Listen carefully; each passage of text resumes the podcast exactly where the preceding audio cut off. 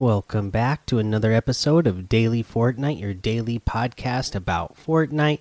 I'm your host, Mikey, aka Mike Daddy, aka Magnificent Mikey.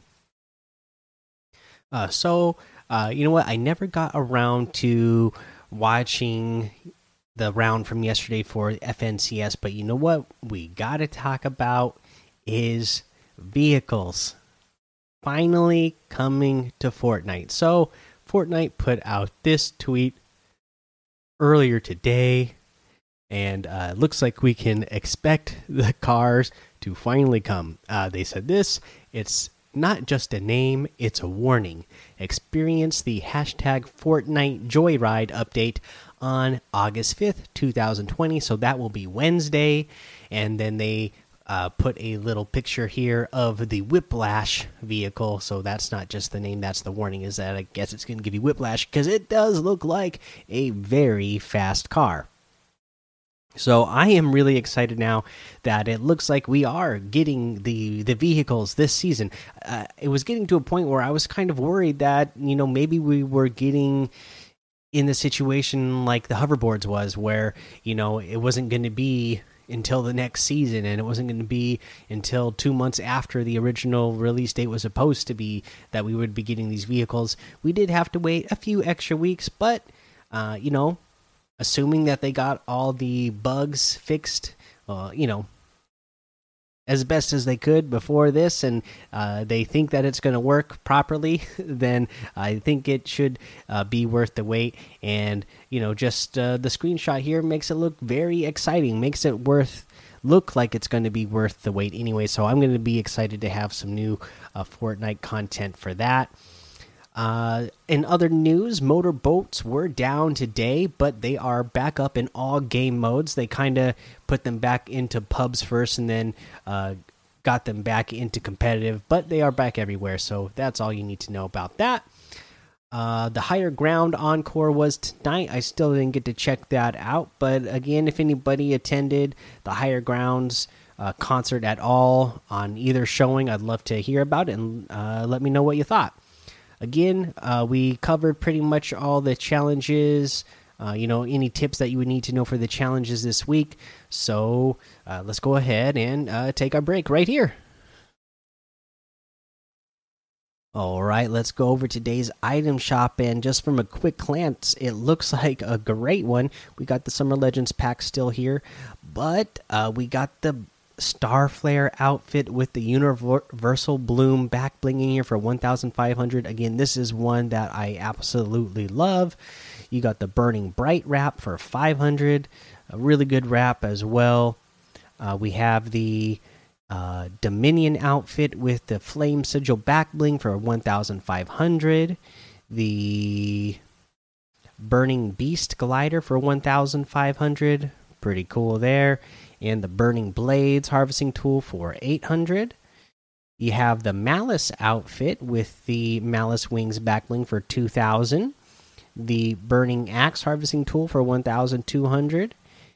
And the Burning Glyph wrap for 500. Uh, we got one of my favorites, the Whiteout outfit with the Ignition back bling for 1500. Uh, we got the Dream Feet emote for 500 the Have a Seat emote for 200, the Windmill Floss emote for 500, the Commando outfit for 800, and this new wrap, the Stylish Stripes wrap. Not just stripes, stylish stripes. And so the stripes, uh, you know, animate uh, across your item here. It's black and white stripes, but then every once in a while, another color kind of like um, flashes in in the black stripes where you know it could be like a bright pink or blue or purple and then sometimes the direction of the stripes change along with the flash of the different colors. So pretty cool wrap. I, I like it. Definitely one that again uh, i noticed some people at some point talking about different items that are definitely easy to spot. This is one that if you were carrying this it probably make you stand out and a little bit easier to spot if you're carrying items with this type of wrap with how much it glows and changes colors. You know, it should be something that uh, you know it would stand out for sure. But if you like it or any of these items, you can get any and all the items in the item shop today using code MikeDaddy M M M I K E D A D D Y in the item shop, and some of the proceeds are going to go to help support the show. So, here's my tip of the day. And again, I haven't had a lot of time to play the last couple of days, but you know what? Uh, this so this next tip isn't really gameplay related or I, it doesn't even come from Fortnite at all. It's a show that I'm going to suggest, uh, and it is called the Speed Cubers, and it is on Netflix. And I just watched it tonight, and you know what? It it's a it's it's like a sh short documentary. It's only 40 minutes long, uh, but and it's about uh, people who are competing in Rubik's Cube speed competitions. And uh, just from what you see in the 40 minute uh, documentary that they have here, it just, I think it's a great example of community. You know, even though you're competing with your peers, there's you can still build a good positive community uh, in that competition. And that is just something that i'd like to remind people who you know play fortnite both whether you're just doing it for public matches for fun or in the competitive uh, you know if you're playing in the competitive scene that uh, you know it's always more fun and can be uh, you know you can push each other and make each other better by having that good spirit of competition and and and you know uh, propping each other up instead of trying to uh, knock others down.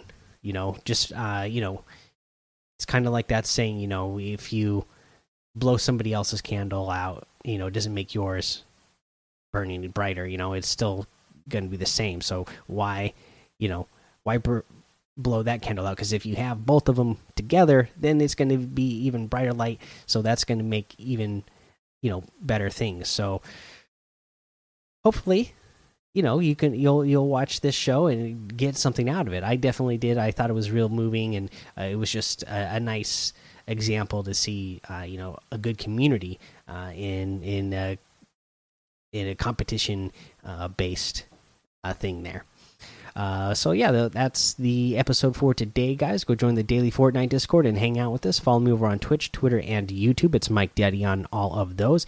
Head over to Apple Podcasts, leave a five star rating and a written review for a shout out on the show. Make sure you subscribe so you don't miss a, miss an episode. And until next time, have fun, be safe, and don't get lost in the storm.